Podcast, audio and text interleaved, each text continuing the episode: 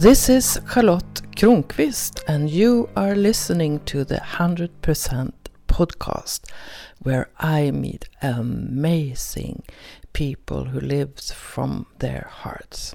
Most episodes are in Swedish since I am from Sweden.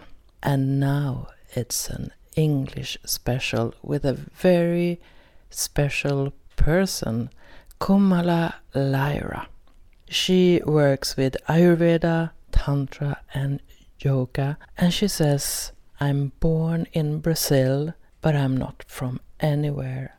I don't belong anywhere. I have met Komala in Greece, in Israel, and now in Goa, India. And she is an amazing Tantra teacher who also works a lot with women. We met right after a Tantra festival in February 2018. And we were in a space where you can hear the sounds of India. Sometimes there are voices, sometimes there are water, there are birds, sometimes maybe even monkeys, and sometimes you hear a man hammer on something. But overall, you hear Komala and her views on the mystery that life is. I'm sitting with Komala Lyra in Goa, and we have just spent three days together at the Spirit of Intimacy Festival. And Komala, you are a teacher and a coach within Ayurveda, yoga, and Tantra. Welcome. Lovely to be with you here. and we always meet in beautiful places. That's yeah, we do. Last time in Israel. yeah, before in Greece. So it's a good collection. so I'm curious about how Tantra entered your life. Wow, that's a good first question. Well, in reality, um, I feel that we come to have bodies that already have some kind of soul script. And since a very, very young age, I always felt that the body was my guidance, it was my source of information. I grew up in Brazil, was born in Brazil, and I grew up in a beautiful place with lots of freedom, physical freedom, energy freedom, beach, horses, swimming pools, uh, forests, um, animals. So I was very free in my body. And uh, as a teenager, I started to really reflect into all the social norms and why people do this and that. And I realized that for me, the way that most people lived didn't make any sense, that I really couldn't live like that. So I came to Europe, I was 13 the first time, and um, it opened a lot of memories that much later I realized could be past life memories. I don't want to convince anybody of that, but there were memories of my soul, I would say, that um, had a sense of. Uh, had a sensitivity and a sense of freedom that I felt that it's how my life needed to be based on and I started exploring a lot through sexuality and through luck or through destiny, I don't know. At 19, I, made, I met a man that I immediately fell in love with, but it was not so much falling in love with, it was more recognizing an affinity in the ability to explore and to really very to live very differently.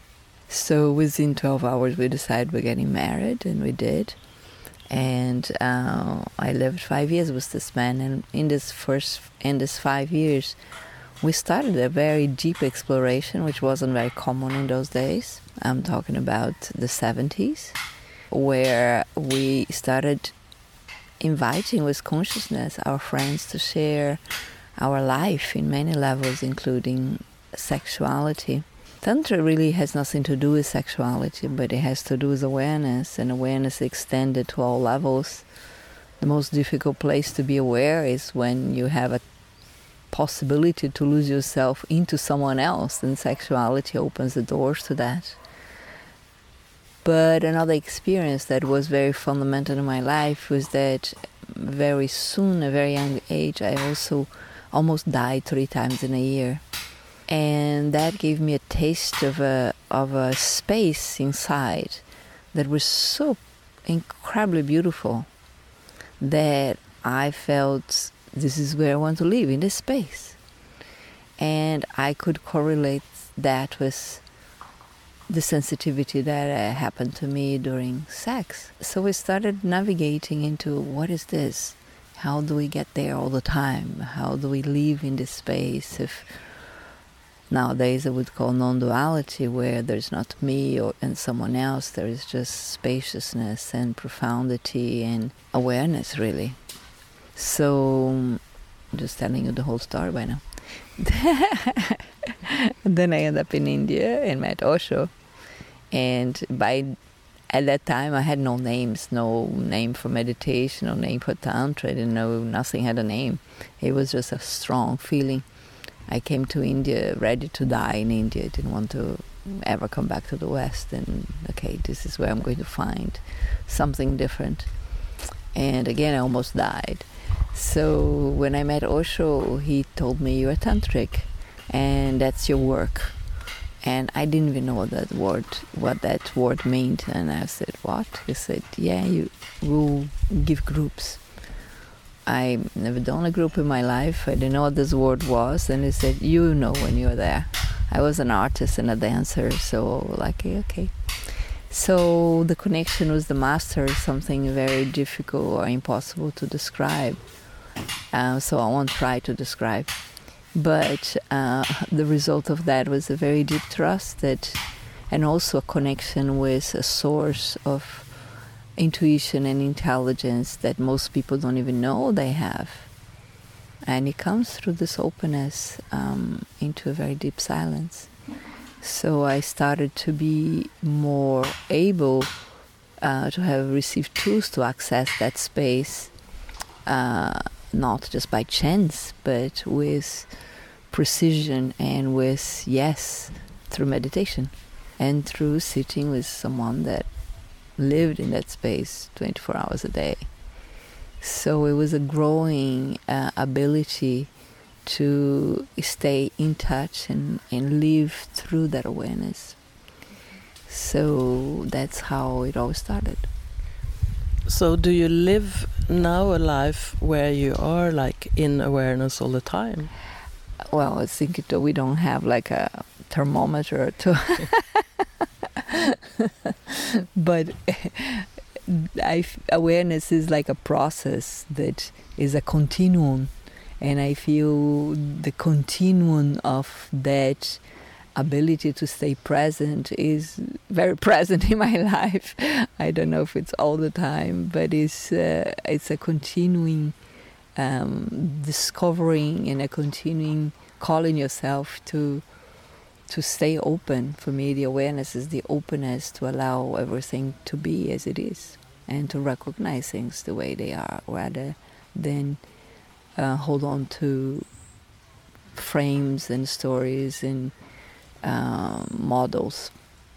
So for me, that is like the essence of Tantra, is um, the awareness that pervades it all and yes, someone is this way, the other one is this way, this tree is this way, that flower is that way, and we're all here at the same time. Sometimes I, I feel like awareness and tantra and so on have like a revolutionary touch to it, and that uh, people who are like ruling this world are afraid of the force of awareness. What's your input on that? This is a really beautiful question, and the way you put it. My sense is that when there is uh, awareness, when awareness for me is the focus ability to recognize what is, and in a very practical level so look at this banana tree and you say yeah this banana tree is green to my perception. And it has um, some leaves this way this way. It's like okay this is how it is at the physical energetic level at the emotional level of course it's more subjective and it's more uh, difficult to describe and more difficult to recognize. But um, the ruling forces uh, are ruling. So they rule through rules. And rules cannot embrace everything because they narrow our capacity to express and tantra is about awareness everywhere. And that i call consciousness which is there is no focus anymore. It's just like everything's at the same time. You can describe that in words because words are you know finite and defined.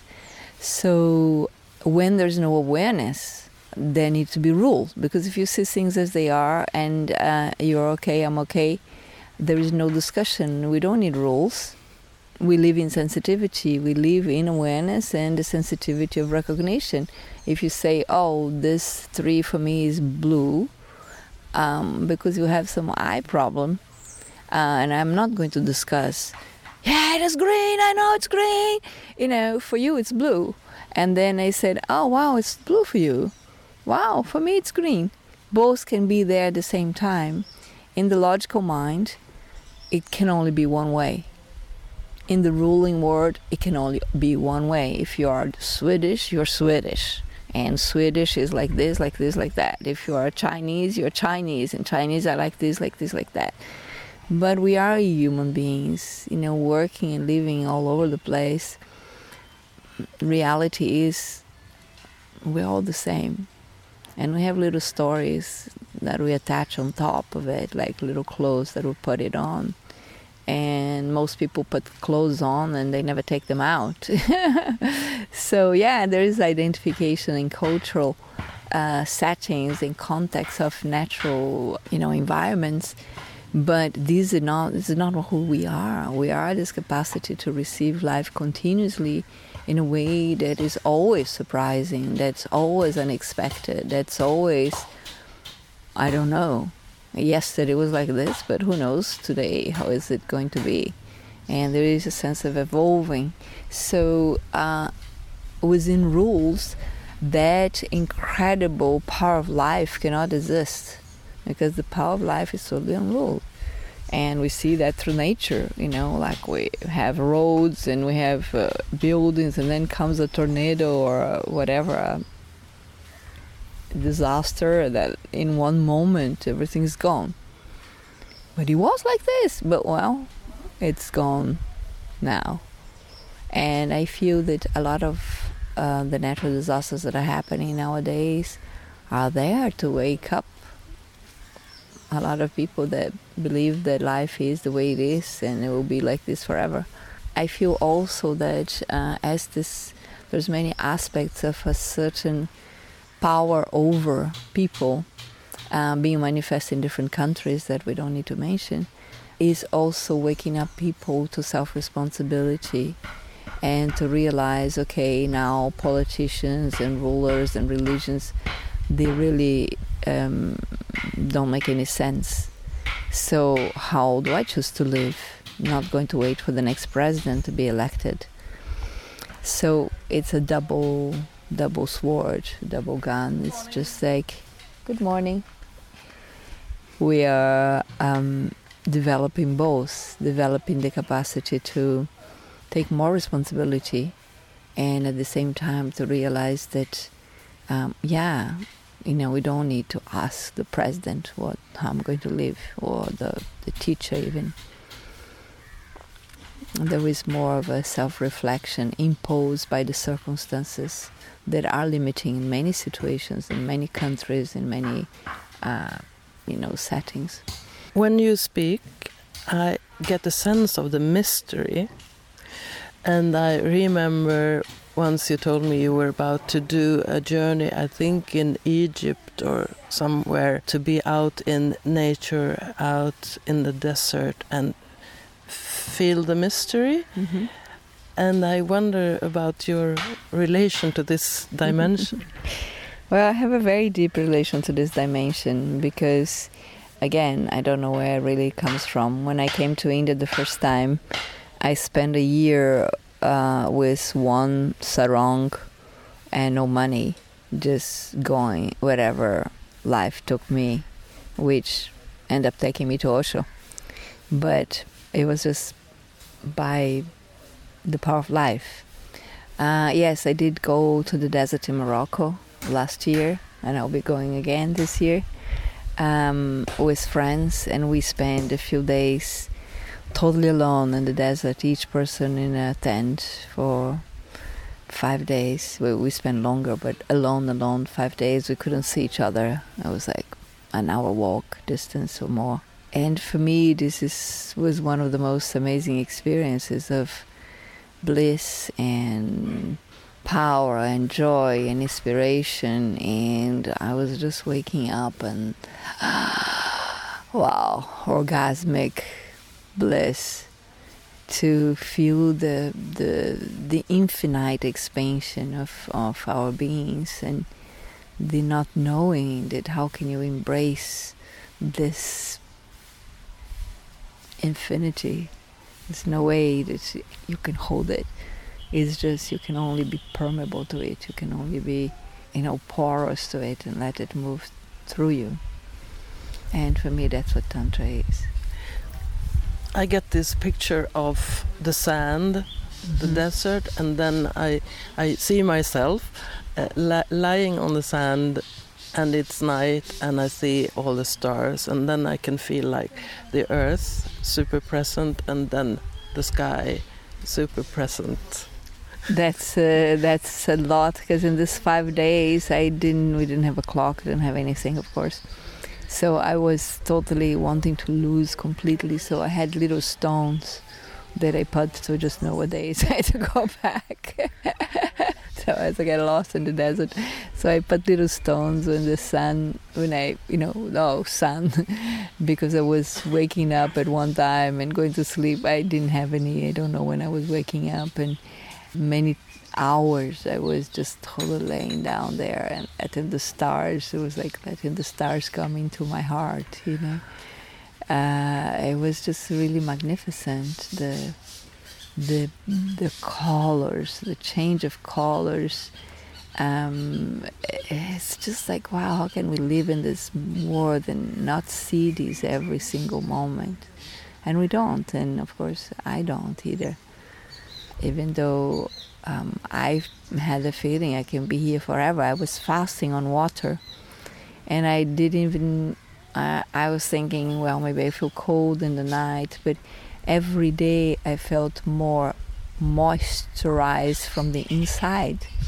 There was so much relaxation in not talking, also, you know, for five days, and just totally focus my sensitivity inward and allow that whatever the resonance of this spaciousness and the infinity of the universe to really come inside and at the same time feels like how nothing we are this little body you know believing that we can do this we can do that it's just so ridiculous this reminds me of uh, one time I did an essence training at, in Osho Risk in Denmark and we we had worked with our stories and so on. And then one morning they said, Now you're going to tell your story to your neighbor and talk like Donald Duck. And it was hilarious because then we could really see that this is a story that you are like blah blahing, blah blahing, blah blahing.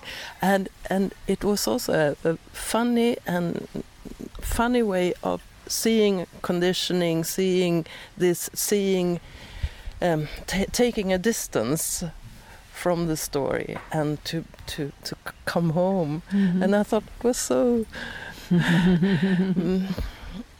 i mean i could not in advance know what that Donald Duck talk would give me th this sense of distance to my own mm. story. So it was so helpful mm. to laugh mm. at your own words and this blah blahing, and then understand how much people go around everyone blah blahing their story and also make it bigger, make Sure, it bigger, sure.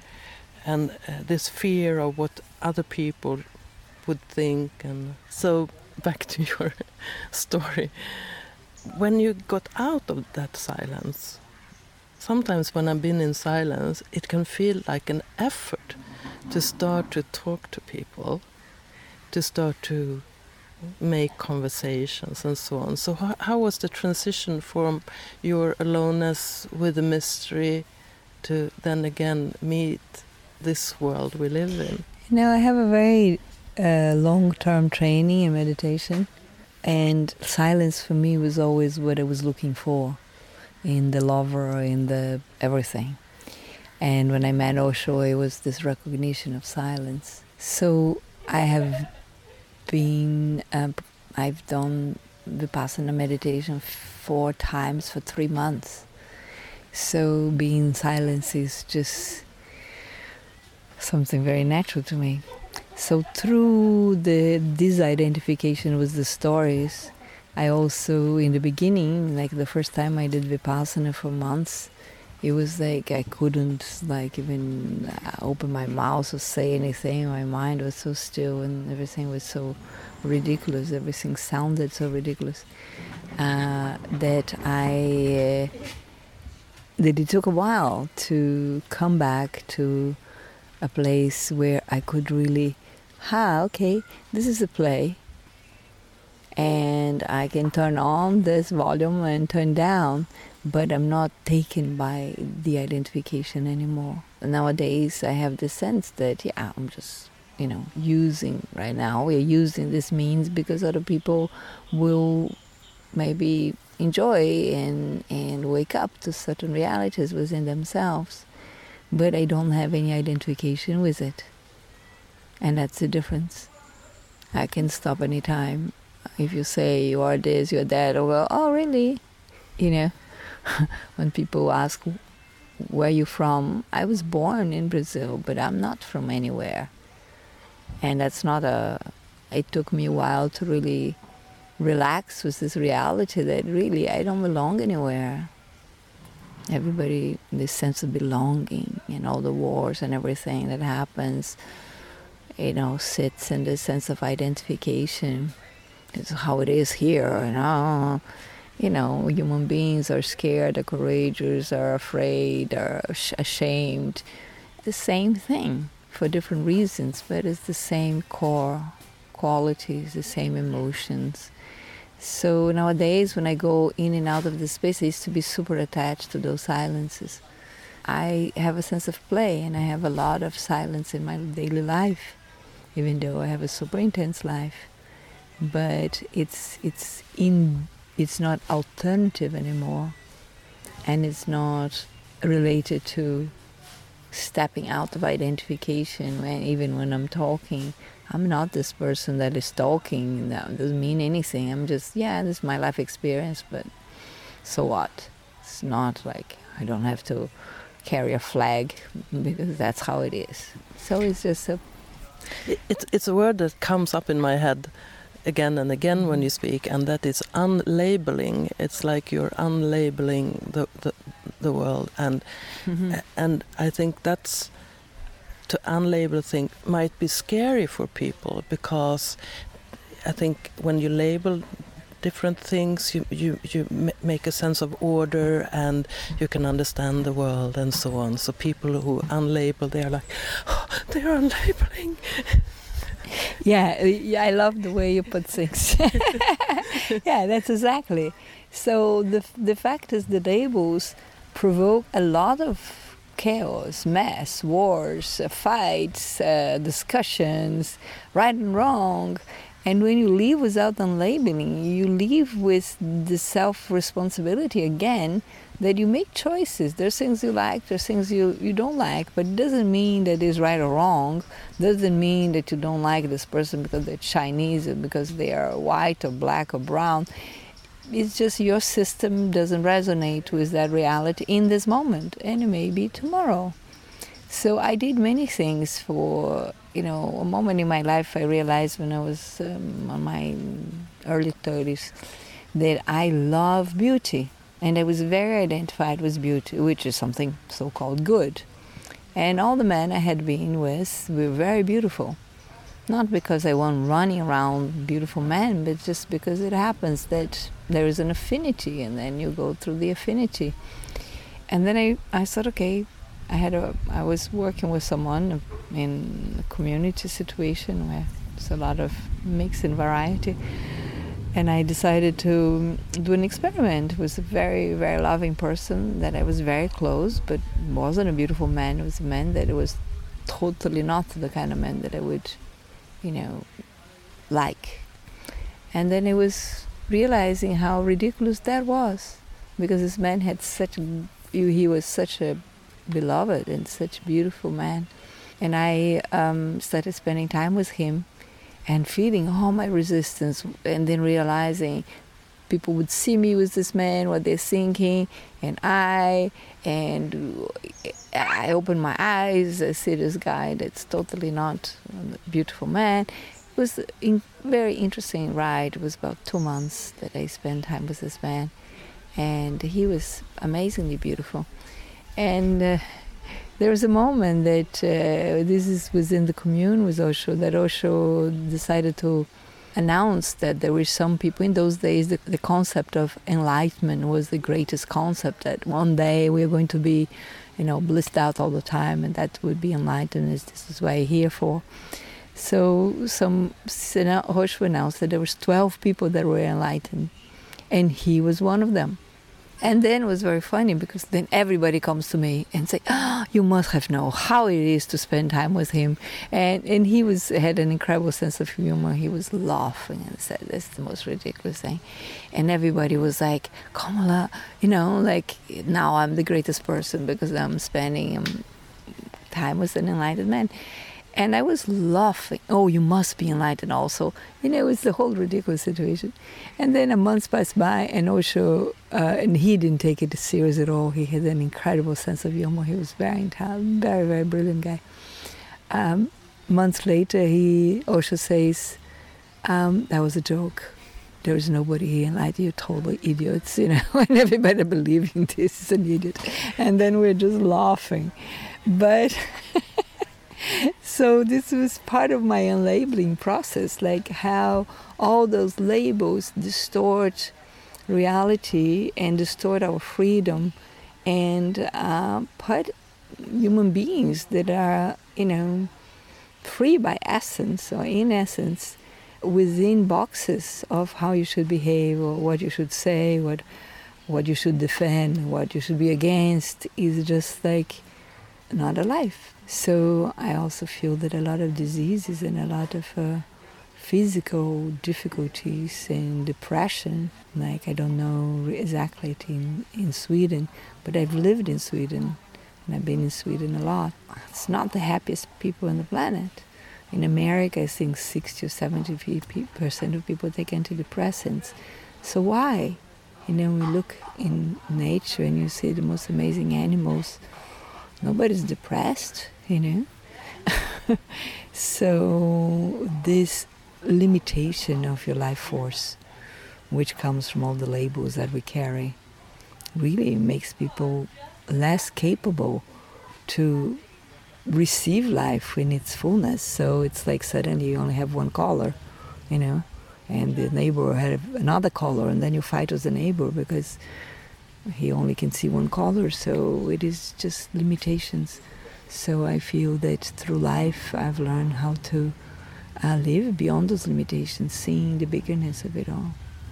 In Sweden, we have something called the Jante law, that you shouldn't think that you are something, and it's like ten, like ten commandments, and it's very like uh, listen to father, he knows the right answer, or the president, or don't believe in yourself, and everybody will laugh at you if you try and you will never succeed. It's stuff like that. And many are really into this in Sweden. So if someone buys a better car, oh, he's bad, or or you need to compete. Yes, I mean, either yes. or. So I remember as a child, I was like, oh, look, I have a new dress. My mother bought me a new dress. And my classmate said, don't brag it it smells when you brag. Mm-hmm. So it, you couldn't say like anything with you happy. was good. You couldn't show happiness and so on. And now I'm happy for that that happening because now I can be into playfulness because I have this comparison mm-hmm. with this like uh, putting people in a very very small box mm-hmm. and I mm-hmm. know I I don't fit. So maybe a, a society like the Swedish society uh, can make people pop because it's so many limitations. Mm-hmm. yeah, that's like a contrast that I am seeing that is happening more and more in the world. For example, I haven't been in Sweden for a while, and then three years ago I was in Sweden, and I realized there is an incredible, beautiful new generation that is more conscious of that and more vibrant and more like, well, I don't care about what people say because I worked um, like 20 years ago with CEOs in Sweden in a long term program, in a month's program, which was very revolutionary, but it was really, really, really difficult to, to deal with this click into the box like, oh yeah, but we can get out of this. We can do this. We can do that. And in a month, of course, in in a context where you are playing, meditating, exploring new levels of creativity, new levels of relate, people start. And from what I heard, uh, it it had an impact in lots of businesses.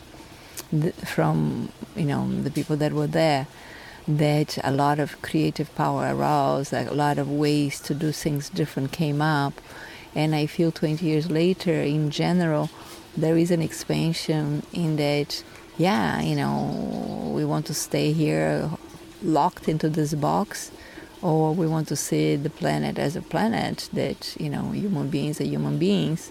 And I feel everywhere there is um, something happening that is just pushing through that new reality of expansion and more um, humanness. Yeah.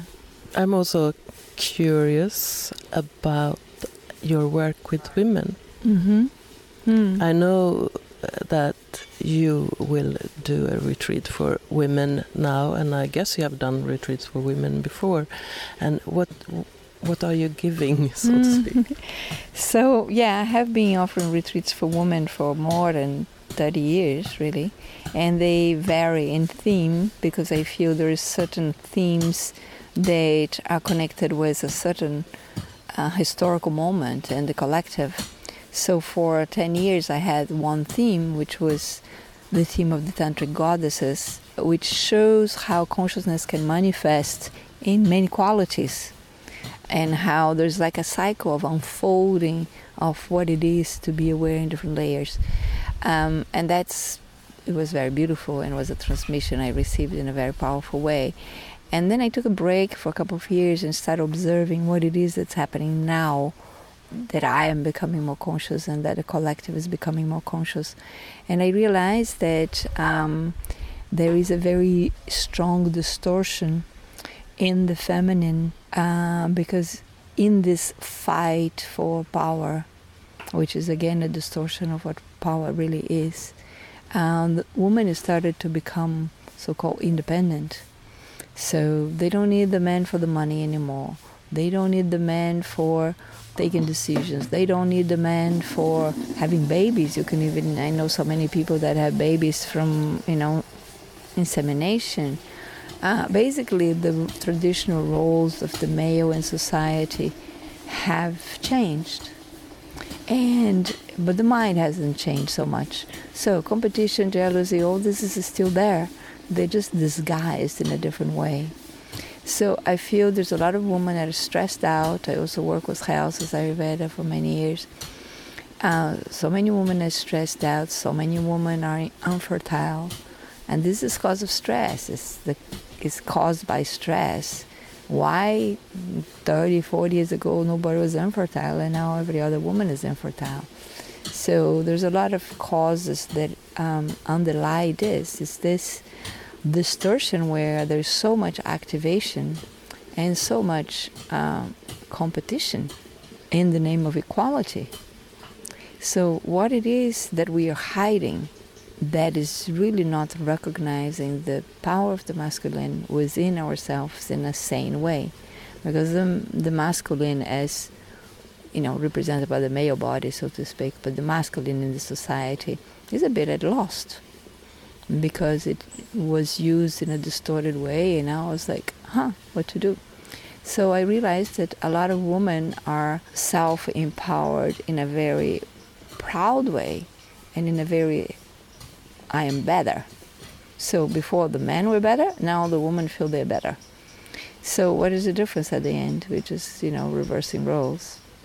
And I see many women, you know, oh, I don't have a man, I'm looking for a man, I wish I had a man, still wishing that they would find someone.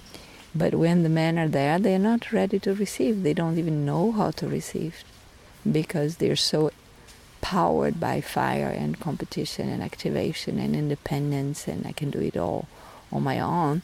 So, what is the man or anybody else to, to do in that circumstance is just like, okay, just hanging here in the cupboard when you want to make love sometimes. But I can also have a do and do it myself, you know.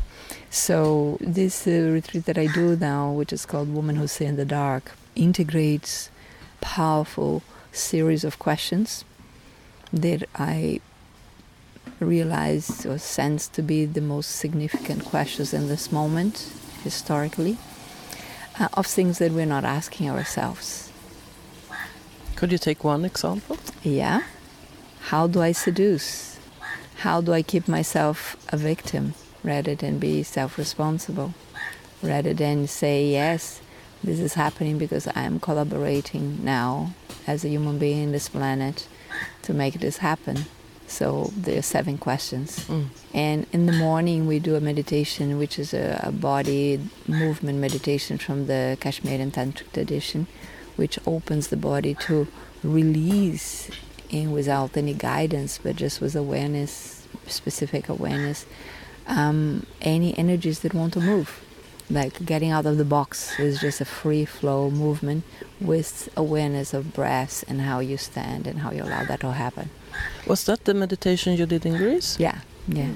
So this meditation usually I don't pa- it's a transmission very deep and it looks very simple but it's not it's only after a year you're doing this that you go aha that's what it is but i feel also time's are accelerating now and so I integrate that in this uh, retreat.